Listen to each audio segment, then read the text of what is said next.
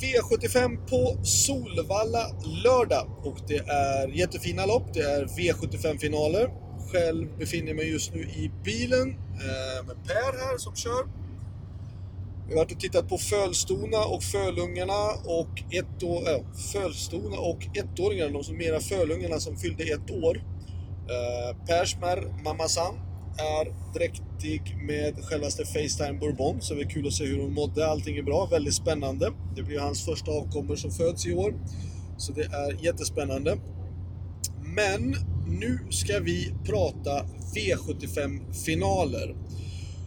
Och eh, spikförslagen eh, Spikförslagen kan jag säga direkt. I den första adlingen så tror jag två Hevin Boko.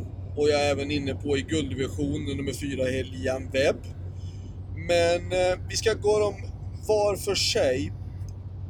I avdelning 1 då, spikförslag på nummer 2, Hevin Boko. Eh, spår 2 tycker inte jag är något bra spår för henne. Jag tror inte att hon kommer öppna något jättesnabbt från spår 2 utan spetstiden kommer att stå mellan eh, 4 Mulligan och 5 Ultra Bright. Jag tror att Ultra Bright är den som kommer att trycka sig till ledningen och eh, leda loppet väldigt länge men den kommer inte kunna stå emot Hevin Boko tror jag. Eh, det här loppet är alldeles för ojämn ojämna hästar för att man ska kunna gå emot eh, Hevin Boko. Eller rättare sagt, de har inte samma samma resultat och inte samma hårdhet som Hevin Boko har. Så att Hevin Boko kommer att vinna det här. Skulle man nu vilja gardera, ja då är det ju då fyra Mulligan eller fem Ultra Bright som är värsta motståndare. Eller som kan vara den som träder in. Eh, V75 2 däremot skulle jag vilja gardera på lite grann. Jag vill ha med nummer 1, Global Venture. 2, Enrico Ha, min egna träning. Enrico ska gå med jänkabike och med norskt huvudlag för första gången, så det är ganska intressant båda delar. Han är inte supersnabb ut, men han har tränat förbättrat tycker jag inför det här loppet. Han var fin, jag körde jobb med honom i veckan, så att allting verkar bra. Eh, 5 Walter på G är bra. 7 Indy D och 8 Il Ljus Boko. Så 1, 2, 5, 7 och 8. Eh, nog om det. V75 3, spik då på nummer 4, Elian Webb. Varför? Jo, för det första, Elian har varit väldigt, väldigt bra i vinter. Han har spår innanför Disco Volante. Och eh, spår 4 är ett kanonspår så att det kommer bli spets på Elian Webb tror jag och sen så blir det svårt att plocka ner honom. V75 4 är såklart en jättebra häst med två Aura SL. Uh, eh, vill ni göra ett väldigt litet system så ska ni spika två Aura SL, men spår 2 är inte något riktigt bra spår för den hästen, tror jag. Uh, hon är helt överlägsen kapacitetsmässigt, absolut, men två raka galopper, två raka nollor tycker jag är, eh, känns oroväckande, framförallt nu då igen när det är voltstart. Men 2, 5, 6, 7, 10, 11 och 13 är de som jag har valt att plocka med. Alltså 2, 5, 6, 7, 10, 11 och 13 i den fjärde avdelningen. Avdelning 5 då ska man göra ett litet system så tror jag att nummer 4 Hawkcliff kommer att kunna svara ut 6 Dr. Doxysens och Får han då bestämma ledningen så kommer han att bli svår att plocka ner.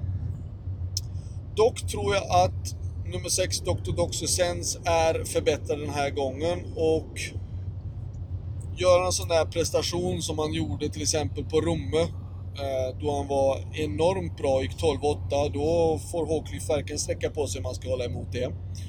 Om nu det blir så här att eh, 6 Dr. Doxysens trycker på 4 Håklyf stenhårt då har jag valt av den anledningen att plocka med nummer 11, Pasha Tilly, som är stark och rejäl och är den som kommer att ha jättefördel om det blir överpace på loppet.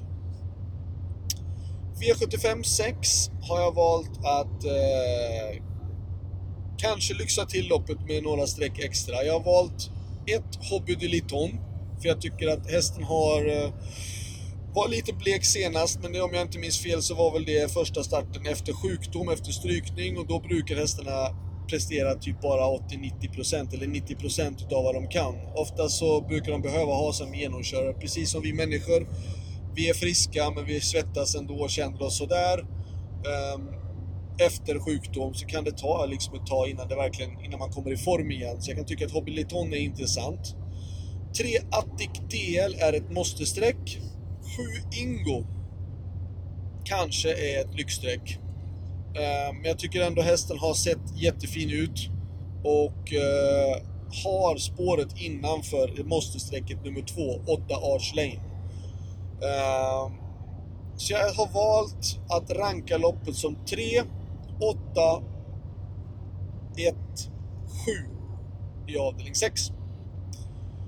Avdelning 7, då fläskar jag på med tre stycken streck. Um, lite dyrare system den här veckan, 630 kronor på det här, men jag tyckte att det var värt att ta med det. Det är jackpot och det är uh, inte helt lätt. Uh, två Bo C är måste-streck i avdelning 7. Fem Religious har jag valt för att jag tycker att den hästen haft lite, lite otur, tycker jag. Ehm, det känns som att det är en häst som absolut kan vinna en final. Och har ett bra startspår. Ehm, och sen då den som jag tycker har stör mig lite på att inte ha fått nosen först. Det är nummer 10, Man at Work. 2 4, 2 4. Gör bra prestationer men inte får det först. Men jag, jag har en känsla av att det kan vara dags nu.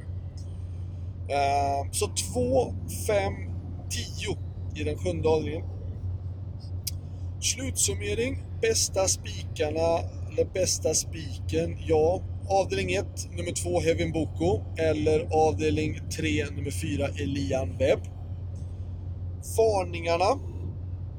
Om vi då ska säga varning i lopp 1 så är det ju då 5 Ultra Bright som är den som är eh, först in på systemet om man ska gardera Heavy Boko. Avdelning 2, ska man ta med någon mer häst, då tycker jag att det är nummer 3, Carlos Ken, Peter Untersteiners. Bra spår, bra häst. Eh, absolut rätta förutsättningar att kunna vara med.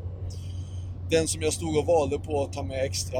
Eh, avdelning 3, ska man då gardera Elian Webb. Så Disco Volante, såklart, den som är nästa in på systemet. Två raka segrar, sett bra ut. Eh, spår 5 är ett bra spår. Avdelning 4. Ska jag ta med någon mer häst så...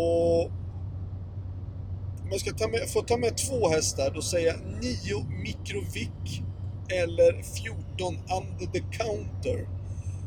Eh, ett väldigt öppet lopp tycker jag det här loppet, men de är de två som jag tycker är pass upp på om man ska ta fler hästar än de vi har tagit. 9 och 14. Avdelning 5 då säger jag nummer 9, Pastor Power tycker jag är intressant i sådana fall i det här loppet. Eh, det är väl den och Pasha Tilly som skulle vara mest gynnad av om det blir överpace. Avdelning 6. Mm mm mm, mm, mm, mm, Vem ska jag välja då? Uh,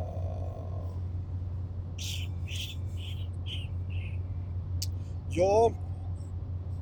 Uh, Jag kan tycka den här 10 Hector Boko är bra ändå. En lång resa för en holländsk häst och resa ända upp till, till Stockholm. Um, men hästen är bra. Uh, 10 Hector Boko, det är väl den som jag kan tycka är nästa häst som faller in på sjätte, i sjätte avdelningen.